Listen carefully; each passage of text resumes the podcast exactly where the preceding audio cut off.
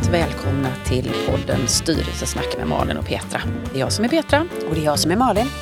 Kul att se dig igen Malin. Samma. Ja. Det här är ju podden för oss styrelsearbetare och de som är nyfikna på styrelsearbete eh, och fylla på med eh, nya perspektiv och lite nya områden som är viktiga för oss styrelsearbetare. Men även för er andra som kanske är ägare, valberedare, eh, kanske vd ledningsgrupp också är lite nyfikna på oss i styrelsen. Så att det här är podden för dig. Och idag Malin, så vi brukar ju ha gäster. Eh, idag hade vi tänkt att du och jag ska vara gäster igen. Precis. Ja. Och, eh, välkommen. Ja, välkommen. välkommen till oss, välkommen till dig. Ja. Eh, ja precis. Eh, och eh, ett ganska hett ämne för styrelser, eller någonting som ska finnas i styrelsens agenda, det är ju strategi. Bolagets strategi. Eh, det här kan man ju prata hur mycket som helst om. Om vi ska börja i den ändan, eh, det här med, alltså, hur, hur definierar du strategi? Alltså mm. i, i dina sammanhang? Eh, bra, då, är vi inne i det direkt. Alltså, för mig så är ju strategi lite längre sikt. Det är mm. inte här och nu. Det handlar om att ha en, en vision och en ledstjärna Eh, som ligger några år fram i tiden. Eh, sen har jag ju lärt mig, givet min operativa verklighet för många år sedan, eh, också att produktlivscykler och så varierar ju beroende på vilken bransch man är i. Så att lång sikt kan betyda olika många år, men ändå någonting som ligger en bit fram i tiden. Som jag sa, hitta den här ledstjärnan och hur tar vi oss då dit? Så att det får inte bara vara fluff, fluff och, och det är till den här, det här drömscenariet vi ska ta oss. Utan faktiskt också hårt arbete, hur ska vi ta oss dit? Och som styrelse, för jag har ju, och det kan vi prata om under den här eh, timmen eller vad det blir. Eh, jag har ju verkligen jobbat som operativ, eh, också med strategi, där jag var strategichef i, i en, en stor koncern. Eh, men också att som styrelse så blir det också intressant att veta hur kan jag mäta Mm. Att vi är på väg åt rätt håll. Mm. Vad är mm-hmm. strategi för dig Petra? Nej, men jag tror att jag använder ungefär samma benämning och, och att, eh, och, och liksom, i tillägg till det brukar jag säga att, att um, Eh, det ser olika ut i olika bolag. Alltså definitionen kan ju vara densamma men hur du sedan använder den eller hur du sätter den i, i, i den kontexten som man själv befinner sig är superviktigt. Så att man inte det kan ju vara lätt, eh, jag tänker tillbaka till det här med vilka är det vi ser i styrelser. Då är det ju oftast personer som är eller har varit operativa. Och kanske för det mesta då i ledande befattning, även om det inte behöver vara så. Där man i den rollen har kommit i kontakt med strategiarbete och sen när man kommer in i styrelserummet så blir man lite perplex. Okej, okay, nu vet jag inte riktigt vad gör en styrelse kopplat liksom till strategiarbetet för jag är så tränad i det som är den operativa delen. Så ibland blir det ju lite tilt i skallen på folk liksom med hur gör jag nu? Och det är därför jag tycker att det här eh, avsnittet, eh, det här temat är ganska intressant att prata om för att hjälpa våra lyssnare och de som är nyfikna på hur, hur kan man sortera tankarna lite grann. Men jag brukar alltid också säga så här att eh, alltså, varför behöver ni en strategi? Även om liksom, ja, det, alla säger ju att vi ska vara strategiska, men, men varför ska just vi i vårt bolag ha en strategi? Varför är det viktigt? Eh, ger också, liksom, det svaret ger ju också ett inspel till vilken ambitionsnivå ska vi ha? Eh, vilken omfattning, vilka ska vara med, tänker jag.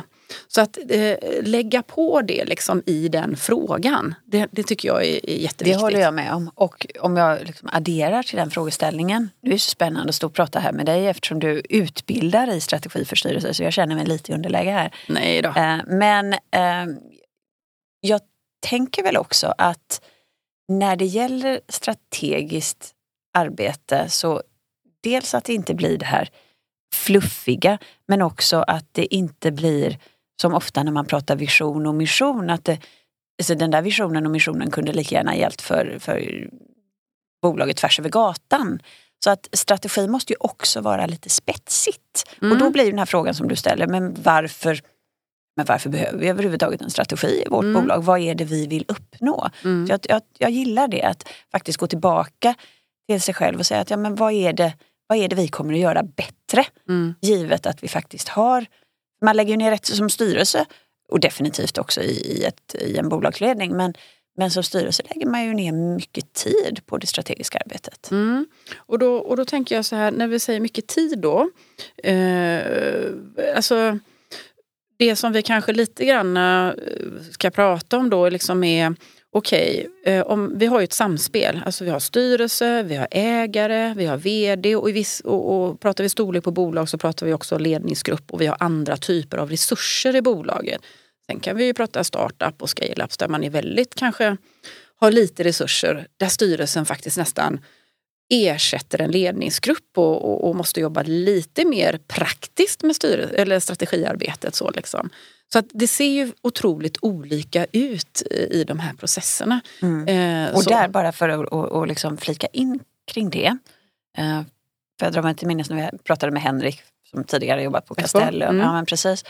Eh, och, han sa att ja, men självklart är det så att, att min företagsledning och vi förbereder för styrelsen. Det, jag ska inte säga att det lät som att styrelsen bara behövde säga ja, men, men, men lite. Och det är ju precis det du är inne på. Och då tänker jag också att det är viktigt att, att man som, som bolags företagsledning hittar rätt förväntansnivå. Eh, för att eh, ja, men, när jag jobbade som vd, jag, det, det var ju inte så att jag jublade. Alltså jag tänkte ju inte att det var superkul att styrelsen skulle bestämma det här och jag skulle bestämma någonting annat som vd. Mm. Men, men om vi liksom backar lite grann då. Eh, så här, alltså vad är styrelsens roll generellt sett?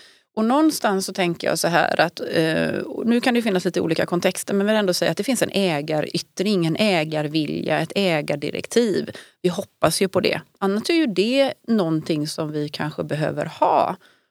Eller sätta på, på kartan och visa ägarna i alla fall att det är det här som vi uppfattar någonstans i riktningen.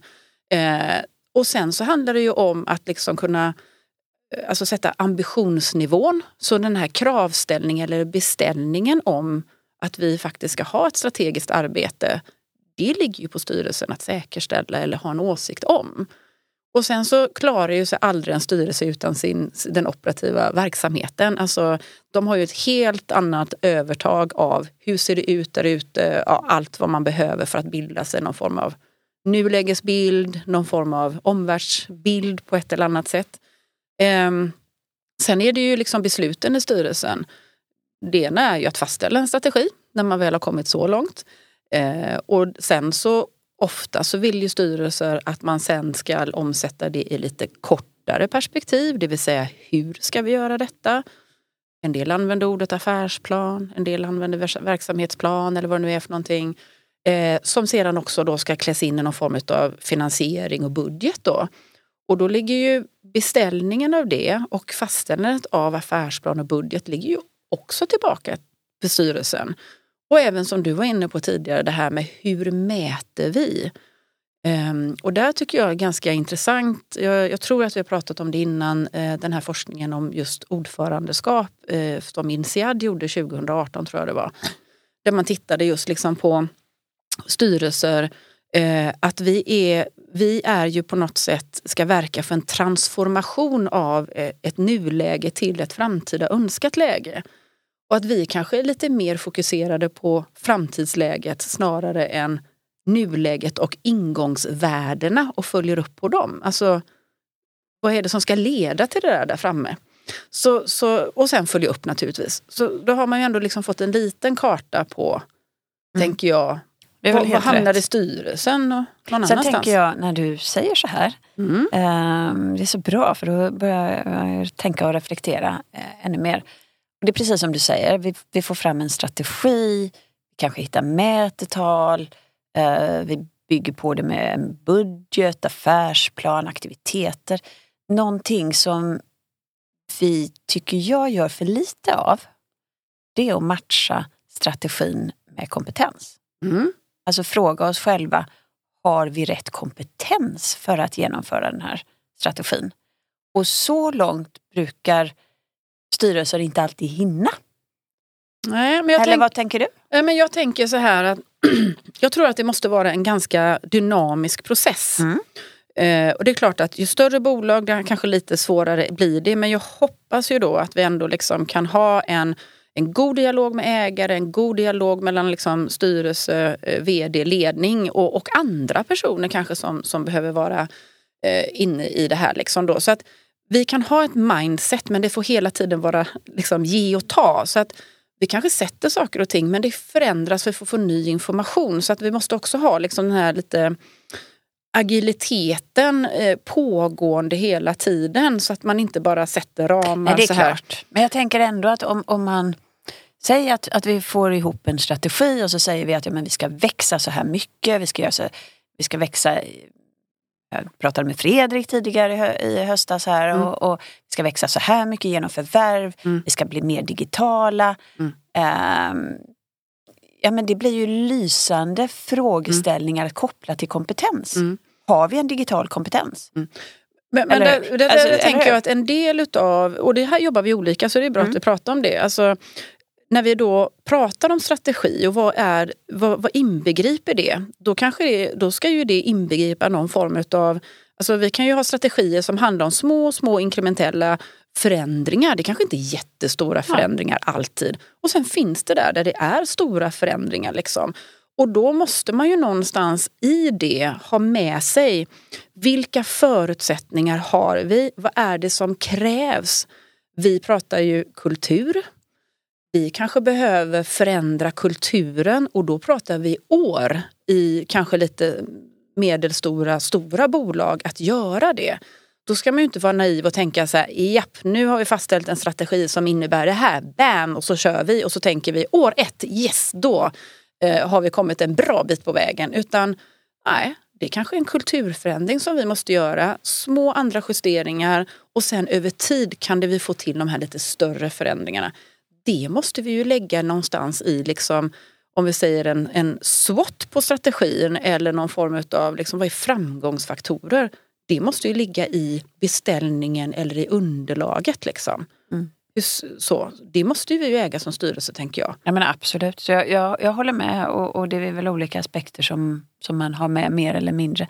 Men om vi, om vi ska försöka vara lite, lite liksom konkreta om man, om man nu sitter och lyssnar på oss, vilket mm. vi vet att många faktiskt gör, det är hemskt roligt. Ja. Eh, Får jag berätta det? Ja, jag tänker det. Ja, vi har ju lite statistik faktiskt och, och vi är ju en extremt nischad eh, podd. Eh, men vi har faktiskt 10 000 eh, lyssningar på, på våra avsnitt.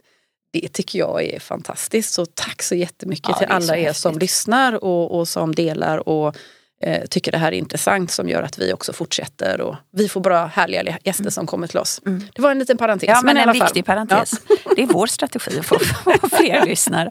Såklart. Men om, om vi ska se, eh, eller vet du vad, vi, vi backar det. Eh, du utbildar i strategi. Mm. När de, de eh, elever som kommer mm. till dig, vad mm. vill de lära sig? Vad är deras frågeställningar? Eh, man kan ju ha lite olika liksom, Eh, anledningar till varför man går en, en, en sån utbildning. Eh, och ibland faktiskt så har vi ägare som är väldigt aktiva i bolagen eh, som har alla hattarna på sig och de vill förstå, de vill gå vidare till nästa steg i att ta in externa i styrelsen. De kommer själva fortsätta vara aktiva i styrelsen men nu blir det mer ett, ett, liksom ett aktivt arbete, inte så, så passivt arbete. Då vill de bygga på sin egen kompetens i det så att de kan matcha de här som kommer in utifrån. Men också kunna utvärdera kandidater på deras strategiska förmåga för att de känner att nej, men det, det måste vi ha med oss. Liksom. Sen finns det de då som har varit eh, mer i den operativa verksamheten och vill då gå över mer till att ha styrelseuppdrag och vill förstå skillnaden mellan en styrelse och en, en ledning just kopplat till den strategiska processen och lära sig det. Sen är det ju väldigt många som är aktiva i styrelser som, som vill bygga vidare. Dels handlar det om att man vill kanske få en bredare bild av verktyg, processer, hur gör andra och ett nätverkande. Och att vi också jobbar liksom med lite casebaserat. Eh, och då blir det ju också den gruppen som vi har i rummet det är ju de som sätter scenen för, för nä, alltså vad blir det för frågor också på bordet. Men, men eh, jag märker också att det finns en stor rädsla att en styrelse i det strategiska arbetet ska eh, ta över eller lägga sig i. Så jag uppfattar att många har tron om att man ska vara väl, alltså vattentäta skott och vara väldigt formell i detta. Ehm, um, Medan jag uppmuntrar till att men, alla män och kvinnor till pumpen, till arbetet som behövs beroende på vad bolaget har för resurser och egen förmåga eh, ska hjälpa till i det här arbetet. Så att om, om en VD kommer och säger vi kan ta liksom ett bolag som, som i princip har haft ägare som har varit ägarmöten, styrelsemöten och ledningsgruppsmöten i korridoren. Ska ha det här aktiva styrelsemötet. Man är van, eh, eller man, säger, man har inte haft strategiarbete sedan innan. Vilket innebär att det har gått ganska bra ändå, tycker den här vdn.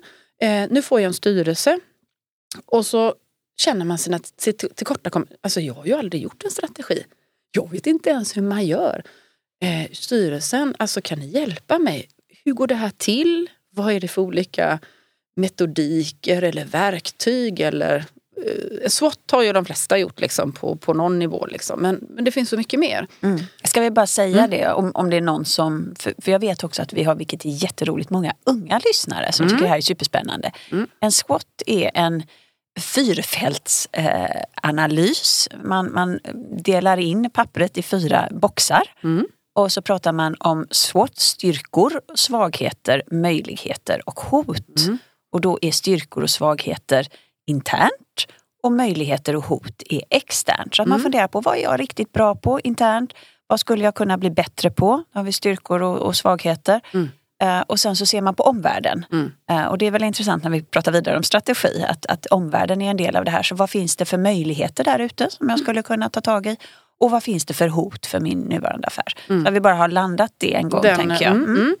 Nej, eh, och då kan det vara liksom ibland att man faktiskt får gå in ganska operativt i att hjälpa till. Det handlar om att kanske rigga processen. Alltså vilka olika delar ska man ha i en strategiprocess? Vad gör kanske styrelsen? Vad gör vd och de resurserna som finns i bolaget? Och när är det beslut? Och när är det ett arbete? Och, eh, om vi pratar de här olika verktygen då, de kan man ju använda på väldigt många, på både bredden och djupet. Så det gäller väl att ha en ambitionsnivå som är okej. Okay.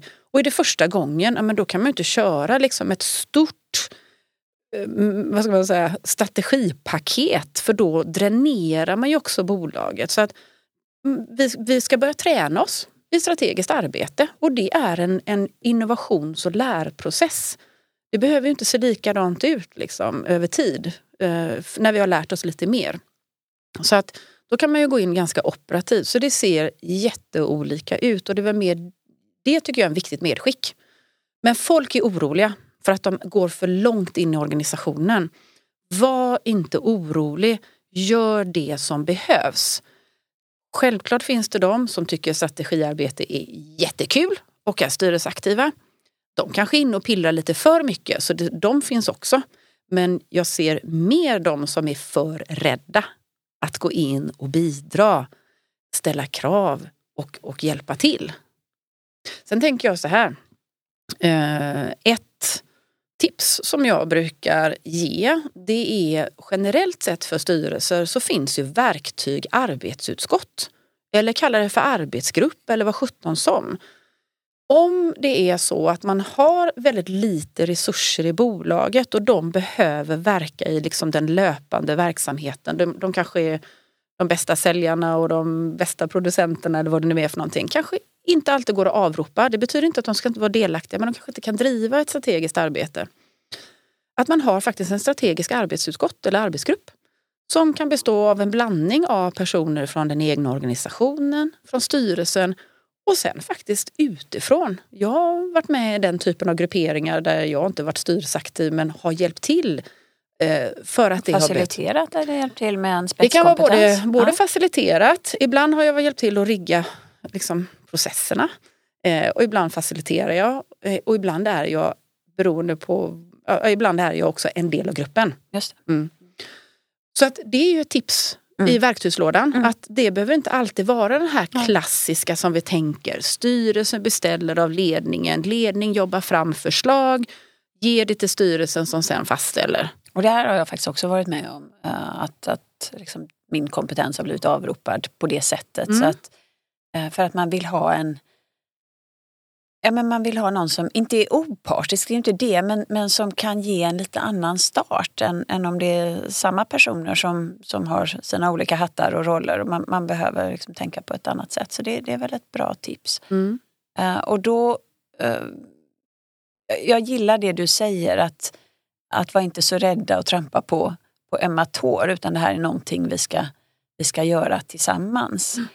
En, ehm, för jag tänker också att det är bra om vi kan bli så konkreta som möjligt hur man gör. Mm. Eh, och det kan se olika ut och vi kan väl också senare reflektera kanske lite kring stora bolag och lite mindre bolag.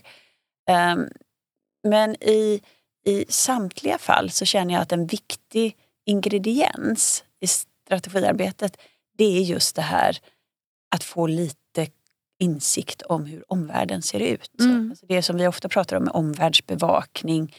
Att få, få de här stora breda penseldragen om Mm. vad, vad kan hända framöver. Det blir ju ofta lite riskbetonat snarare än möjlighetsbetonat kanske. Men vad är det som kan äventyra vår affär eller vad skulle kunna hjälpa vår affär? Eller, eller hur, hur beter sig konkurrenter? Mm. Den typen, eh, tycker jag, i ett gott strategiarbete så vill man ha den här insikten om vad, vad händer utanför det vi direkt kan styra.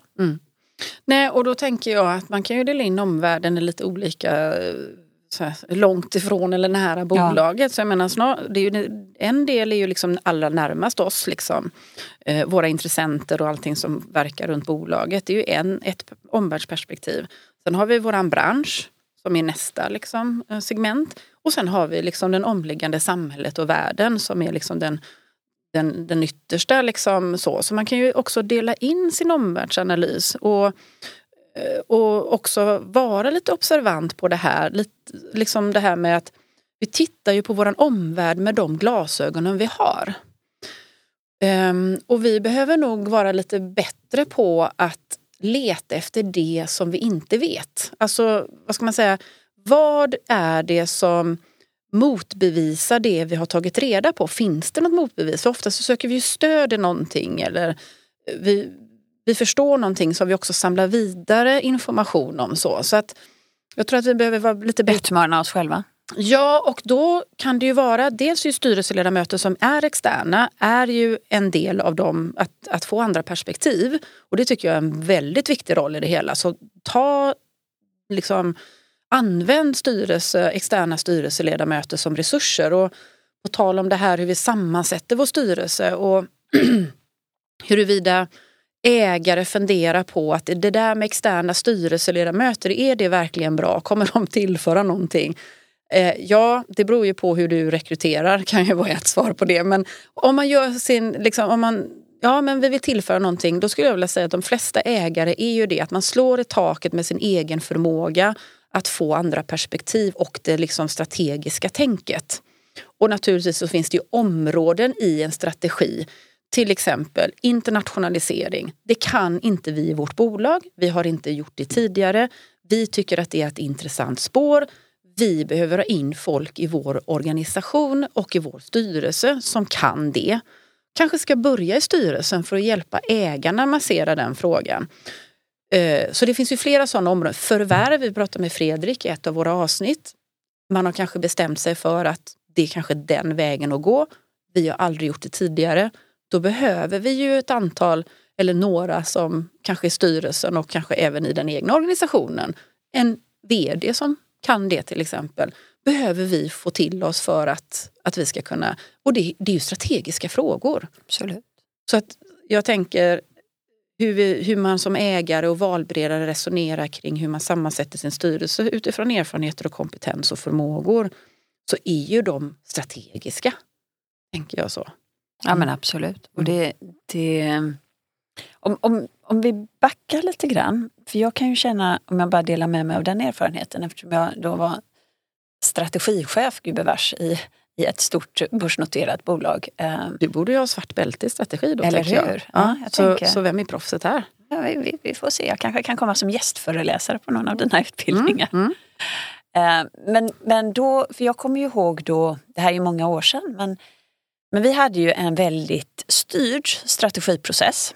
Eh, och vi hade våra olika dotterbolag, de hade en, en mall eh, för att se till att vi hade liksom hittat, eh, hittat alla ingångsvärden eh, och det var frågor som vi ställde eh, och det var en, en eh, vi hade en, en treårs rullande, eller en treårs fix faktiskt, cykel. Det, tre år är inte jättelångt men en treårig cykel i alla fall. Eh, just för att vi skulle kunna mäta. Där hade vi ett antal områden där, där varje bolag förväntades sätta upp ett antal mål. Eh, målbilden var ju lite längre fram men, men vi, vi ville tanka ner det också till tre år. Sen, eh, och det där var ju ett arbete som, som vi rullade internt och i de interna bolagsstyrelserna och som fick, fick eh, okej på det. Men sen hade vi också i vår, vår koncernstyrelse så hade vi ju en årlig strategigenomgång. Eh, och ehm, då coachade vi våra dotterbolag att, att de förväntades komma dit men inte ge den här vanliga företagspresentationen. För det, det, våra styrelseledamöter, de, det kunde de läsa på och det visste de. Eh, och inte den här treåriga planen heller. Utan då sa vi att ni får möjlighet att ta en, två eller absolut max tre frågeställningar Mm. som verkligen står på er agenda för att kunna nå ert mål. Mm. Så att vi fick en diskussion i styrelsen. Mm. Och vi matade ut de här frågeställningarna innan och, och här handlade det väldigt mycket också om för min del som strategichef så handlade det ju om att säkerställa att det var rätt frågor som dök upp. Ehm, att det var frågor som faktiskt var viktiga för oss. Ehm, men också att skapa någon form av trygghet i rummet för att det inte det är inte buskul som dotterbolags vd i en stor koncern att ställa sig framför sin chef, koncernchefen och eh, en extern styrelse och säga här har jag en frågeställning men jag har inte svaret. Eh, det, Mm. behöv, det är Mm. inte alltid buskul. Eh, och då gällde det ju att, att någonstans kratta för det och Mm. säga att här har vi med avsikt, det är vår utmaning. Och det är inte det att VDX inte har en susning om hur vi ska göra det utan här, vi presenterar frågeställningen, vi säger att ja, men vi ser tre olika sätt att lösa det här. Men vi vill ha er, era inspel för ni är kloka, ni är externa, ni ser annat, ni Mm. har annan erfarenhet. Och det kunde bli väldigt bra eh, diskussioner och var väldigt uppskattat av styrelsen. Det här är som sagt många år sedan. Så hade jag gjort idag så hade jag nog gjort det lite annorlunda. Jag tycker till exempel, och det jag själv uppskattar i mina, mina bolag, det är ju när, styr, när det strategiska styrelsearbetet blir löpande. Mm. Så det inte är en gång om året. Men det Nu. måste ju vara löpande tänker jag. Så det, det tycker jag själv och när jag är ordförande och jag Mm. vet att du gör precis detsamma. Att, ja, men vi sätter ju agendan på ett sånt sätt så att vi har alltid, sen kanske vi har en, en gång om året att vi samlar ihop och säger är vi på rätt väg och, och då i årshjulet så plottar vi in att ja, men då måste vi prata lite mer digitalt, det gör vi i februari. Det är vår strategiska frågeställning där. Ehm, och, och det hade jag väl kanske önskat lite mer då i den här, den här Mm. stora styrelsen. Kanske de gjorde fast då var inte jag med. Men det här var ju liksom mitt, mitt styrelsemöte om året. Mm. Men, men det, det tänker jag, alltså, eh, vi, det, det tycker jag man ska reflektera över. Att har vi en, alltså hur ska vi jobba strategiskt rent praktiskt i styrelsen? Hur kommer det påverka vår agenda? Eh, ha teman som är strategiskt förankrade, kopplade. Hur, hur eh, påverkar det eh, vds rapport till exempel till styrelsen eller andra typer av information och underlag som vi får till styrelsen. Så att det här behöver en styrelse fundera igenom eller tänka igenom och då är vi tillbaka till en ordförande egentligen som, som behöver tycka att det är bra att vi pratar om det och inte kanske bara så här eh, totalt delegera till vd. Tutti balutti och sen så är det bara besluten som ligger i styrelsen. Det finns nog vd som tycker, tycker det är jäkligt bra. Eh, Men, men då kan jag ju fundera över liksom, men var- varför ska vi då ha en Vad tillför styrelse? vi för Vad tillför vi? Liksom, är det bara för kontroll och, och, och liksom ta ett ytterst ansvar liksom i det hela. Så, så det behöver man fundera igenom hur man gör det. Eh, och jag tänker också då om vi pratar om vissa alltså smedbolag, har man väldigt många ägare blir det väldigt svårt. Men, alltså små och mindre bolag? Ja, små och mindre bolag, precis. Förlåt. Eh, så, eh, då tänker jag där vi har, alltså jag brukar jobba med i de strateg, alltså den här som du säger då, omgången per år. Eh, för jag jobbar mycket med förankring. Alltså någonstans så ska ju andra människor påverkas av det som vi faktiskt sitter här och diskuterar. Och jag bjuder in då, eller vi ska jag säga, bjuder in ägare, hela styrelsen, vd, ledningsgrupp och kanske chefer i de här diskussionerna eh, som handlar om kalibrering av oss själva mot omvärlden och också hur vi ser omvärlden och att vi också oftast har kanske, är vi uppe i den strategiska planen redan, det vill säga att vi ska inte göra något omtag eller så utan vi är år två i en redan fastställd strategi. Då är det ju att kalibrera, håller den fortfarande? Behöver någon justering? Och då, får ju, då brukar ju styrelsen, eller vi i alla fall, styrelse och vd lite grann reflektera eh, och, och, kanske vd med ledningsgruppen då. Vilket tema ska vi ha det här året? Var någonstans kliar det mest liksom? Eller läcker det eller är skav liksom då? Ja men det, vi, vi in, det kanske är kulturen eller vi har pratat om hållbarhet och det, fan, det lirar inte riktigt. Det måste vi ha som ett tema. Dels att man får vara med, vi får en bredare perspektiv. Men sen när vi går hem, då har alla varit där. Alla känner ett ansvar för att jag har bidragit, lyssnat och blivit lyssnad på. Och jag har också ett ansvar sen när vi får en lite mer färdig, liksom, kommer ner till kanske affärsplanen sen då som blir lite mer det kortsiktiga huret. Att, att jag förstår varför det ser ut på det här sättet. Jag förstår varför vi behöver göra de här aktiviteterna nu liksom det kommande året och kanske ta de här kostnaderna. Eller behöver anställa de här kompetenserna. För annars så blir det ju gärna några få människor som jobbar länge med, med strategi och sen klappat och klart, nu lanserar vi det och sen så tror vi att, nu, nu raljerar jag lite grann, ja, den presentationen gjorde att alla fattar nu vad, vad vi har pratat om i sju, åtta månader. Eh, och sen så ska alla hem och springa. Och så undrar man, varför händer ingenting? Så lite, så att Så jag brukar faktiskt bjuda in en bredare krets för att det finns en förankringsfördel. Fin man, får, man får facilitera det lite grann för det kräver ju struktur uh, för att göra den typen av övning. Det tror jag är väldigt klokt mm. uh, att göra det. Um, för att, uh, ja, men precis som du säger, det, det, är ju ett, det här är ju ett pågående arbete mm. och det behövs så mycket förståelse för hela diskussionen för att kunna köpa in i, mm. i strategin. Så jag tror det är väldigt klokt. Och sen kan man ju fundera kanske ännu mer i lite större bolag. Hur alltså kan man göra en populär version? Alltså för det är viktigt att få ut strategin brett. Mm. Så att man verkligen kan kommunicera vart är vi på väg. Så att jag, jag förstår i min roll att men jag bidrar till, till det här. Uh, och, och då kan man ju också vara ja, men både bidra och vara kreativ i sitt arbete. Mm. Så jag tror att liksom också sen när man, alltså, när man väl har kommit fram och fastställt strategi, är det en stor förändring eller är det mer små förändringar vi behöver göra? Och svar, beroende på svaret på det blir ju också implementationen. Um, är det stora förändringar då måste man ju kartlägga sin organisation, liksom vilja och förmåga och vilken påverkan får de i sin, i sin dagliga verksamhet, i sitt team till exempel. Då. Eh, det är först då, när vi har liksom den bilden klar för oss, analysen, som vi vet vad vi ska ha för insatser för att hjälpa våra medarbetare. Vad behöver vi? Behöver vi organisera om? Behöver vi andra arbetssätt? Behöver vi andra kompetenser?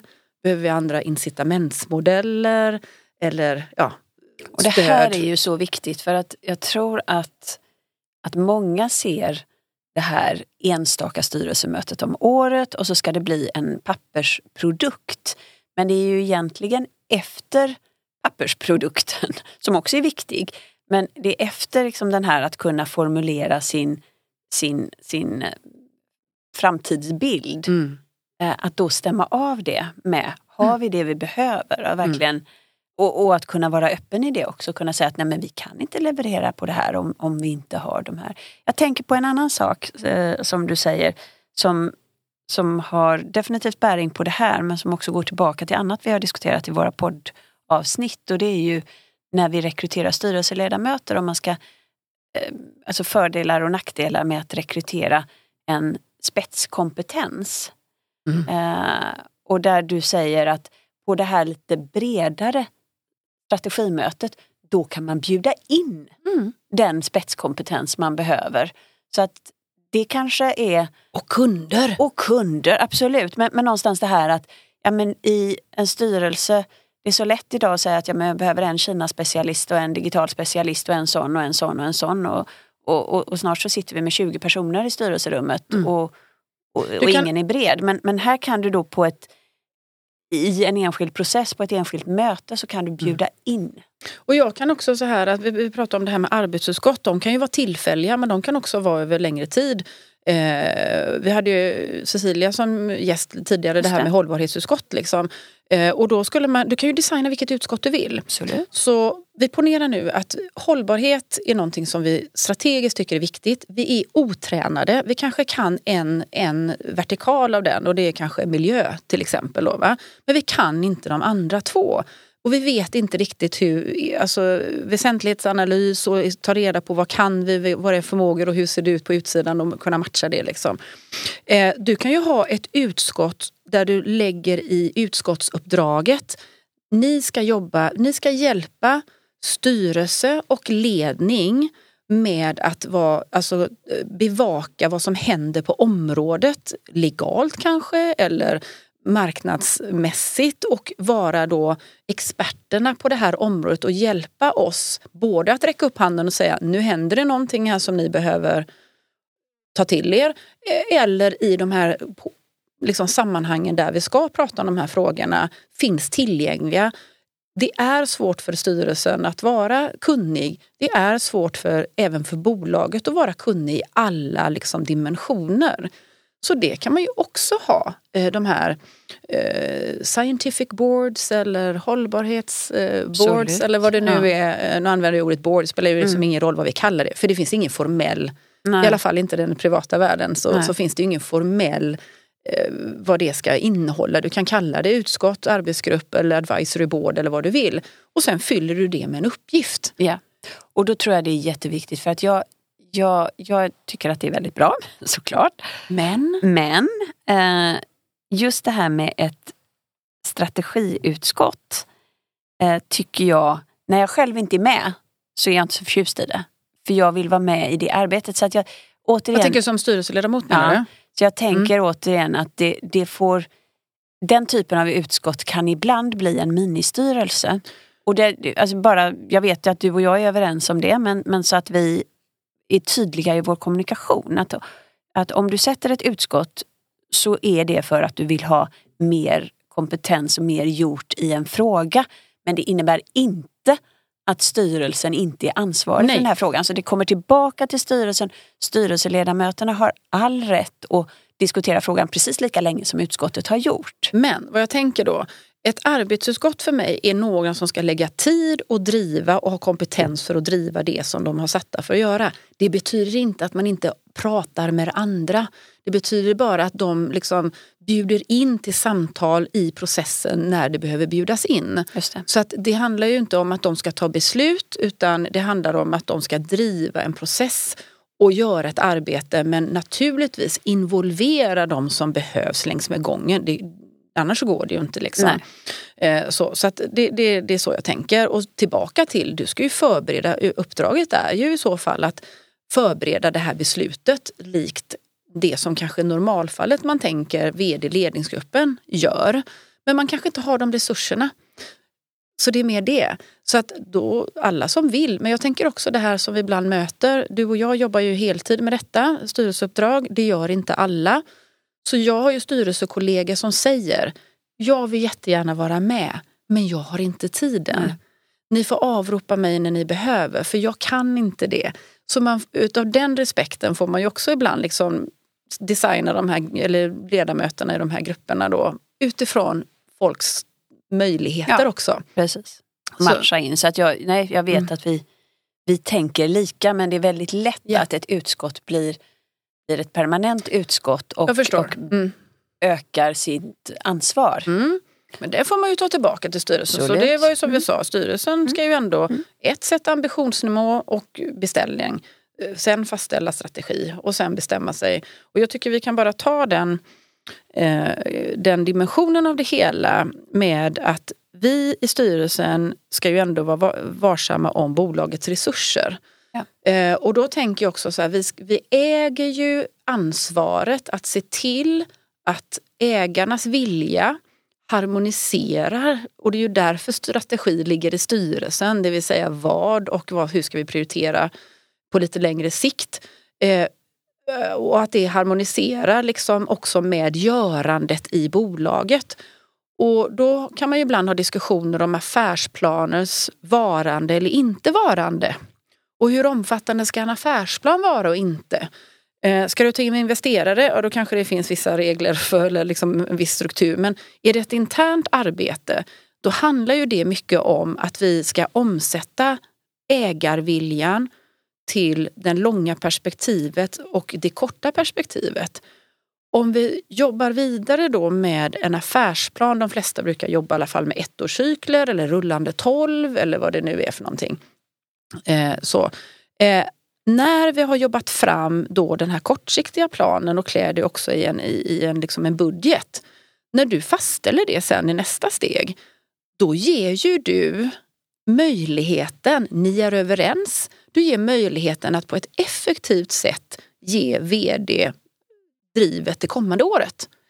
Så att, så att man, kan, så man slipper springa till sin styrelse hela tiden. Så utifrån att vara varsam om vår, våra resurser och vad vi lägger tid på så kan man reflektera över, ska vi ha affärsplaner och budgetar eller inte?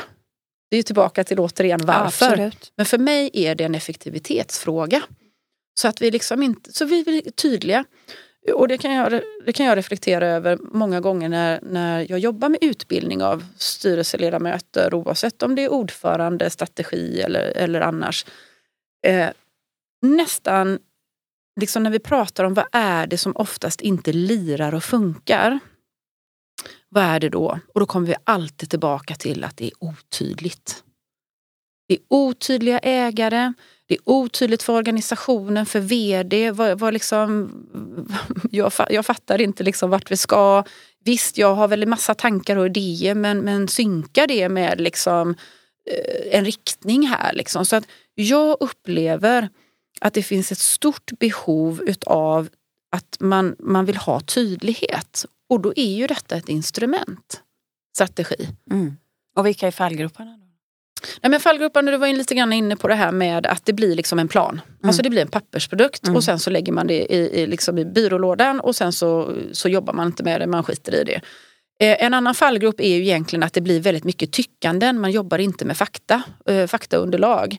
Eh, ibland fallgropar kan också vara att man Alltså, eh, man tror man jobbar med strategi men man jobbar med, med taktik om man säger så. Och sen finns det ju de som tycker att vi behöver ingen strategi, det går ju bra ändå.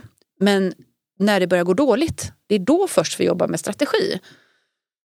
Och då är det liksom lite för sent oftast för de allra flesta. Nu uppfattar jag, eh, om jag liksom ser en trend, om vi tänker pandemi och de senaste tre åren, tre och ett halvt åren snart, liksom, som, som vi har haft mycket förändringar runt omkring. Jag ser ett ökat intresse av att kunna mer om strategi. Eh, scenarioplanering, alltså den typen därför man inser att här händer det grejer, vi behöver, behöver ta snabba beslut. Vad ska vi hänga upp de besluten på? Alltså vilka ramar ska vi luta oss mot eller vad, så. Och då är vi tillbaka till behovet av tydlighet. Men, men ofta så är det att det kanske inte görs med hjärtat, det görs mer med hjärnan. Om du förstår vad jag menar. Absolut. Eh, lite tick i boxen, eh, pappersprodukt. Eh, en styrelse som vill ha en strategi men en ledning som inte vill ha en strategi. Utan vi gör väl lite som vi tycker och känner. Eh, så att vi har lite olika förväntansbilder av det här. Eh, så, och att man gör det liksom när det behövs, inte när, när det går bra. Det är väl några utav, skulle jag vilja säga, fallgroparna. Och att man inte är, har underbyggda beslut eller underlag för sina beslut. Och sen en annan sak som jag också ser det är att man är dålig på att hitta, alltså se över olika alternativ.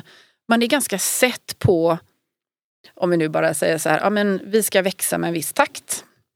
Så är det någon som bara fått för sig, säger vi då, förvärv säger vi. Då är det bara det spåret man egentligen tittar på för att det har man liksom låst in sig på på något sätt. Finns det andra vägar att gå än just förvärv? Ser det andra målet, alltså att det är tillväxt som ja, är målet. Exakt, Ja. så att man, man, Mm. man, man liksom lite Och det finns snabbt, olika sätt och det är där scenarierna kommer in egentligen. Ja, att man är lite dålig på det. För scenarier handlar ju om att det finns olika sätt och vägar att nå ett mål. Eh, och, och det kan jag, jag håller helt med dig om att det är eh, en viktig del som tyvärr inte alltid får den plats som det förtjänar tycker jag i strategiarbetet. Mm. Eh, och risken just med scen- scenarioplaneringar, nu beror det naturligtvis på vad, vad företaget har för resurser, eh, både egna och monetära resurser. Risken är att man plockar in någon extern som ska göra en scenarioplanering. Eh, och då, då får man, det, det kan vara väldigt bra för då får man omvärldsbilden men du får den inte alltid förankrad i den egna verksamheten. Mm. Eh, och det där kan ju vara lite bekymmersamt. Men jag tänker så här, om man, om man ska lite grann, du gillar ju att konkretisera och ta Ja. tillbaka det lite grann. Eh, och då ska vi försöka oss på Mm. någon generell liksom, process eller liksom ned, alltså Mm. ingredienser i en strategisk process. Ska vi, ska vi försöka oss på det då? Det tycker jag vi gör. Ja, Det blir en bra julklapp. ja, det blir en bra julklapp. Jag tänker, vi börjar väl i ett ägardirektiv. Det tycker jag absolut. Alltså vad vill ägarna? Och sen så behöver det inte vara så att man pekar med hela handen utan det kan ju vara en dialog som man kommer fram till ett, ett vettigt ägardirektiv. Ja. Yes. Och då tar jag oss till de stora bolagen. Mm. Där du ju inte alltid har liksom en tydlig huvudägare. Där du Mm. väldigt sällan har en tydlig huvudägare. Du kan ha ett väldigt spritt ägande. Och du har inte alltid ett ägardirektiv. Så där har du någonstans som bolag, eh, som styrelse och bolag fått formulera kanske på en kapitalmarknadsdag eller någonting att det är det här vi tror att vi är på väg mot. Mm. Och blir man omvald så är det nog det Mm. ägarna tycker också. Så Mm. att det är också viktigt att ta med att, att det där skrivna ägardirektivet, ägarviljan, det finns inte alltid nedtecknat på det Nej. sättet. Och då kanske det är mer styrelsen och ledningen som, som är överens om vad, Ja. nå, någon slags Det här riktning vår som- tolkning av Ja. vad våra ägare förväntar sig. Ja. Yes. Mm. Eh, det, det tänker jag. Och sen så tänker jag någonstans att eh, vi behöver sätta ambitionerna. Alltså vilka ska vara involverade i en strategiprocess med vilken omfång och omfattning givet våra förutsättningar ska det här se ut liksom lite grann tänker jag. Så vi sätter ramarna. Så vad är det vi ska ha med oss från ägardirektivet som vi ramar in? Kan vi bara ta ägardirektivet rakt av och, och ha det som en ram? Eller behöver man liksom förenkla lite? Eller komplettera lite? Det kan väl styrelsen fundera över. Alltså de här strategiska Mm. ramarna som, som man ska förhålla sig till. Mm. Sen tänker jag... Och det skulle man ju kunna göra i ett utskott också. Mm, om man absolut, hade det. det. absolut. Det kan ju vara lite Mm. arbetskrävande. Och sen så tänker jag att här beställer man ju nu då någon form av nulägesanalys och omvärldsanalys. Ja. Och då eh, tänker jag att bäst, det, det gör ju inte styrelsen utan det behöver ju det egna bolaget göra. Och sen om man använder sig utav i vissa omvärldsbevakningar och analyser, det finns fina rapporter, man kanske beställer liksom viss typ av underlag så som man kompletterar med. Liksom. Så det, det blir ju nästa steg. Liksom. Eh, Då och- har du fått, var är min plats i omvärlden? Mm, mm. Och sen så är det ju den här liksom, ja, men, diskussionen, dialogen. Liksom. Eh, ja, och sen så blir ja, hot och möjligheter och, och svagheter och, och, och styrkor som vi pratar om. Eh, och då har vi en framtidsbild. Vi har ett nuläge. Och då handlar det om att kalibrera sig. Ser vi samma saker, vi som ska besluta och prata om det här? Hur, alltså gapanalysen, liksom, hur ser den ut? Hur många val har vi och alternativ har vi? Eh, ställa dem mot den framtidsbild som vi ändå har, har för ögonen.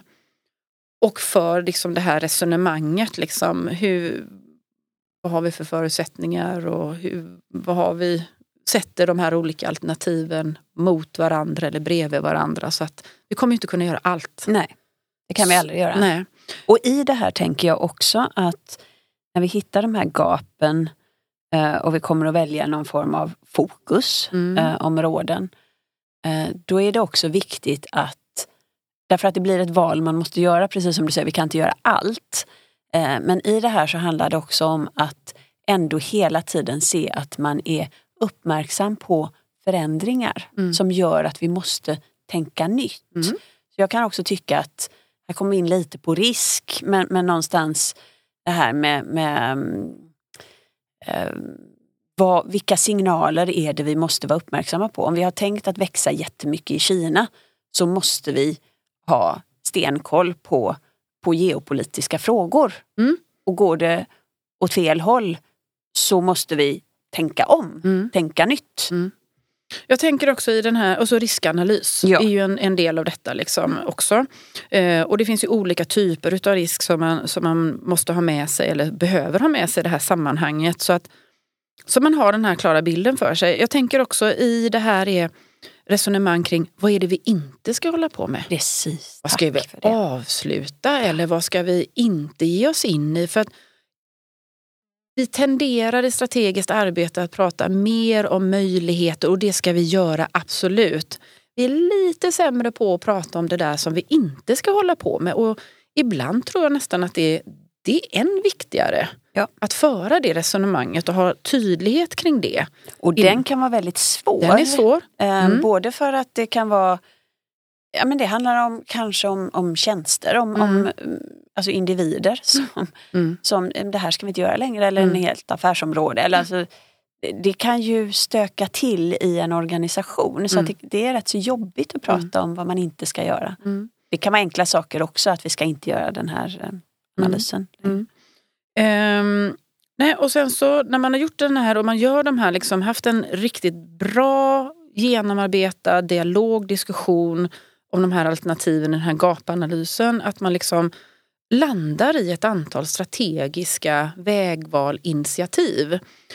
Och min erfarenhet, jag vet inte vad du säger där, vi kan inte ha för många. Nej. Utan jag säger snarare färre, för det handlar väldigt mycket om fokus. Ehm, jag upplever att de som vill göra väldigt mycket tenderar att tappa i fart, tappa i effektivitet. Eh, även tappa i kompetens för folk, liksom, ska vi vara allt för alla? Ehm, jag förstår inte riktigt, det blir lite mer otydligt också i organisationen. Det blir också väldigt stökigt i uppföljningen. Just det. Och det Ehm, går egentligen tillbaka till det här, vad ska vi inte göra? Ja, Det är lite jobbigt att säga att det här ska vi inte göra, det här ska vi inte fokusera. Ja, ja.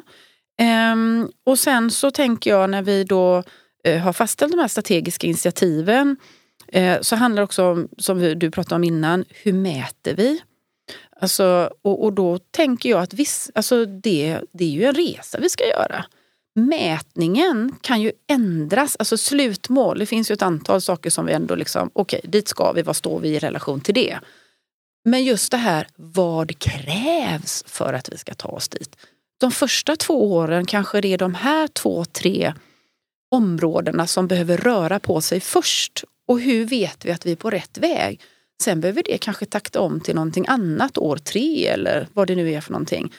Eh, så hur mäter vi och hur bygger vi in det då i vår, ja men som vi var inne på innan, kompetens, organisationsstruktur, incitament, arbetssätt i den egna organisationen.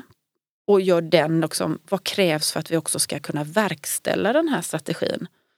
Och skapa förutsättningar för det och fatta den grejen. Hur speglar det rapportering, uppföljning, bevakning som du säger. Det kanske ger oss nya områden som vi faktiskt behöver omvärldsbevaka på ett helt annat sätt än vad vi gjort tidigare. Mm. Och sen handlar det ju om liksom att jobba med uppföljning, kunna kalibrera hela tiden, kunna ha förmåga att navigera och justera. Ibland behöver vi stå stadigt kvar. Ibland måste vi faktiskt få ändra. Absolut. Ehm, ofta så brukar vi inte behöva ändra våran strategi utan snarare mer taktiken, det vill säga de här lite kortare aktiviteterna. Strategin ska ju ändå stå lite granna. Och när vi ändå pratar om eh, långa perspektiv, nej, liksom, ja, hur långt är ett snöre? Men om du tittar på strategiplaner idag i de bolagen som du jobbar med, vad är det för tidshorisonter på ett ungefär? Är det väldigt olika eller kan du se liksom någon form av generell gemensam tidshorisont? Det är rätt så olika faktiskt beroende på vad det är för, för verksamhet och också storlek på bolaget och var man är. Men, mm. men fem år plus, ja, mm. plus fem kanske, alltså fem till tio år. Men det kan också vara tre år. Mm. Uh, men fem. Mm. Då, då håller jag med dig. För det mm. är liksom, jag, jag, och det brukar oftast, om vi nu pratar om privata bolag då, där vi kan liksom jobba lite mer med ägardirektiv. Då brukar man liksom, de ägare brukar säga tre till fem år, längre bort kan inte jag Nej. se. Nej. Um, så att tre till fem år och då är ju en strategi ligger ju på samma tidshorisont. Medan affärsplaner väljer de flesta kanske jobba med 12 månader och även budgetar då. Det. Så det är ju så, kanske om vi pratar tidshorisonter, ja men då har vi lite mm. grann samma erfarenheter. Och tänker jag där, för där, där är den här klassiska diskussionen, vill man jobba rullande eller vill man ha en fix mm. period? Mm. Och, och, det finns ju fördelar med, med både och. Det jag gillar med en fix period det är att då finns det faktiskt ett målsnöre. Antingen har du kommit i mål eller så har du inte kommit i mål. Eh, du kan ha milstolpar ändå när ja, du rullar. Så att jag tror att rullande är väldigt bra mm. men då måste du lägga till det här med milstolpar. Ja. Så jag tycker vi går mer och mer över på rullande för jag tycker egentligen det är mer relevant. Men du får inte tappa milstolparna så att det bara blir så kallade hockeysticks hela tiden. Nej. Att det ska hända sen. Nej. Uh, och du rullade vidare. Mm. Utan du måste ha dina kombinera med milstolpar, det är min bild. Och sen tycker jag man ska också bryta ner en strategi liksom i någon form av eh, plan, liksom, i stora drag i alla fall. Vad är det som ska hända år ett, år två, år tre? Visst, vi gör affärsplaneringen liksom år ett kanske om vi nu förhåller oss till det tidshorisonten då.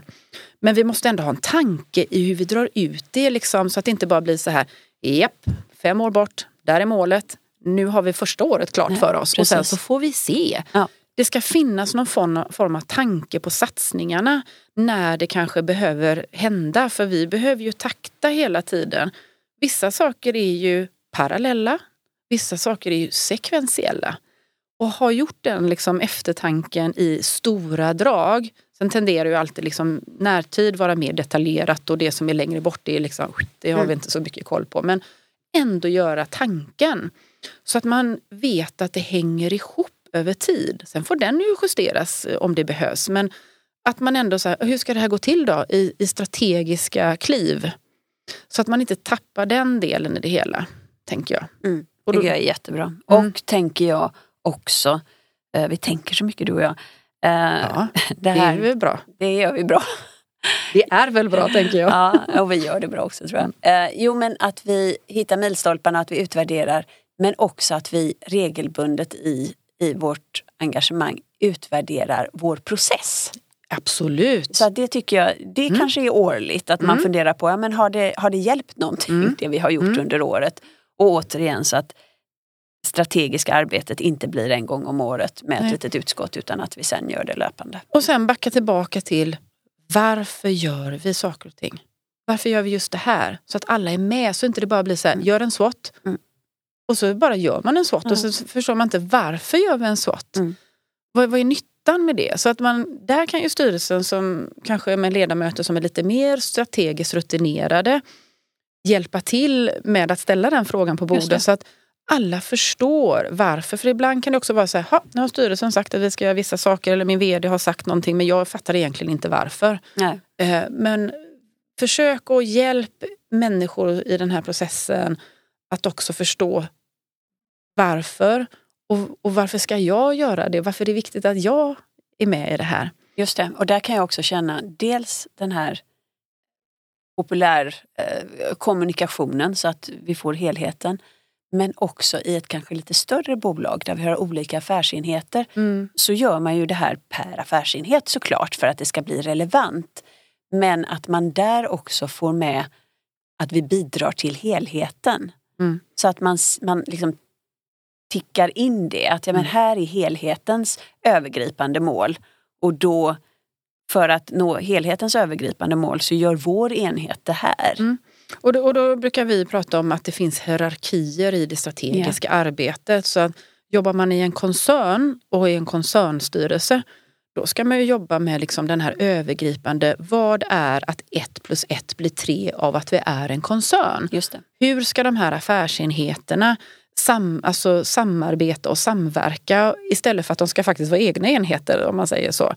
Um, är, har vi inte en koncern så är det väl också det här att har vi varit i linjefunktion, säg att jag har varit inköpschef, varit i ledningsgrupp, så jag har ju jobbat med strate strategier men också även väldigt fokuserat på inköpsstrategin. Så kommer jag in i en styrelse. Då kan jag ibland tänka så här att eh, nej men ni, måste ju, ni har ju också inköpt, det är ju därför jag är här. Ni ska presentera en inköpsstrategi för mig som en del av, av hela strategin. Här får man ju balansera lite granna. Är det verkligen inköpsstrategin, HR-strategin, eh, produktionsstrategin, whatever. Liksom. Ska alla de i detaljnivå presenteras för styrelsen eller är det mer de här övergripande som sedan ska ner i verks affärsområdena eller verksamhetens olika delar och där brytas ner i strategier. Men det känner jag är mer vd och ledningsgruppens Absolut. nivå ja. på strategin. Precis, och där har vi ju antagligen ett helt annat avsnitt också kring, kring det här med koncern och dotterbolag. Ja. Där jag kan känna som koncernstyrelse så vill man bidra så mycket så att har man sen enskilda dotterbolagsstyrelser så är det så lätt som koncernstyrelse att vilja gå in och pilla i det eh, också. Mm. Men det är en, det är en lite mm. annan diskussion här. Men, men jag tycker vi har varit rätt så konkreta här faktiskt ja, Petra. Eh, en sak som jag också, ja. för den, den frågan eh, får jag ibland också. Mm. När behöver vi eh, som styrelse adressera ägare? Eller att man tappar den liksom. Eller om vi nu kommer fram till någonting mellan styrelse och ledning att vi kräver någonting annat nu som kräver investeringar. Just det. Så att vi, och jag jobbar ju väldigt nära ägarna i mina bolag så att de alltid är med som jag beskrev tidigare i processerna och så. Så då, då är det också lättare. Jobbar vi nära varandra och i samarbete då är det lättare också att prata finansiering. Um, vi kan ju vilja väldigt mycket men vi kan inte kanske på egna ben. Eller så har vi ägare som gärna, ja men vi vill ha aktieutdelning så att balansgången med att investera nytt kontra utdelning kan ju vara en dynamisk, lite, lite laddad diskussion. Absolut. Eh, så ibland måste vi ju faktiskt gå till ägarna och säga att vi tror på det här, det här är potentialen. Ni vill ha den här avkastningen, vi, ni vill att vi ska göra det här. Vi ser att vi behöver investera de närmsta två, tre åren. Och vi behöver stöd från ägare och vi vill att äg, ni som ägare ska faktiskt vara med på det här beslutet. För att det. Det, går lite över en styrelses kanske uppdrag. Just det. Och i lite större bolag då så, så har man ju det här ligger ju väldigt mycket i de finansiella målen som man presenterar på kapitalmarknadsdagar och liknande. Och det ligger i det man, hur man kommunicerar till marknaden om sin tillväxt och vilken vilken utdelningspolicy och annat man har. Så mm. det, det, ska ju inte komma som en överraskning där heller att Nej. hoppsan nu, nu behövs det en, en investering mm. inom ett särskilt område eller göras ett förvärv. Där tror jag vi får nästan... Eh, ja. ja. vi kan ju prata, det hör ju ni här eh, lyssnare, att det här kan vi prata hur mycket som helst om. Två, två strategiskt eh, nyfikna eh, kvinnfolk i styrelsen. Så är det. Yes, ska vi avrunda lite grann då? Ja, men jag tycker vi gör det. Vi hoppas att vi har givit er lyssnare som vi för övrigt tycker så mycket om, att ni lyssnar på oss. Mm. Vi är lite fascinerade av, av, det och tycker det är kul.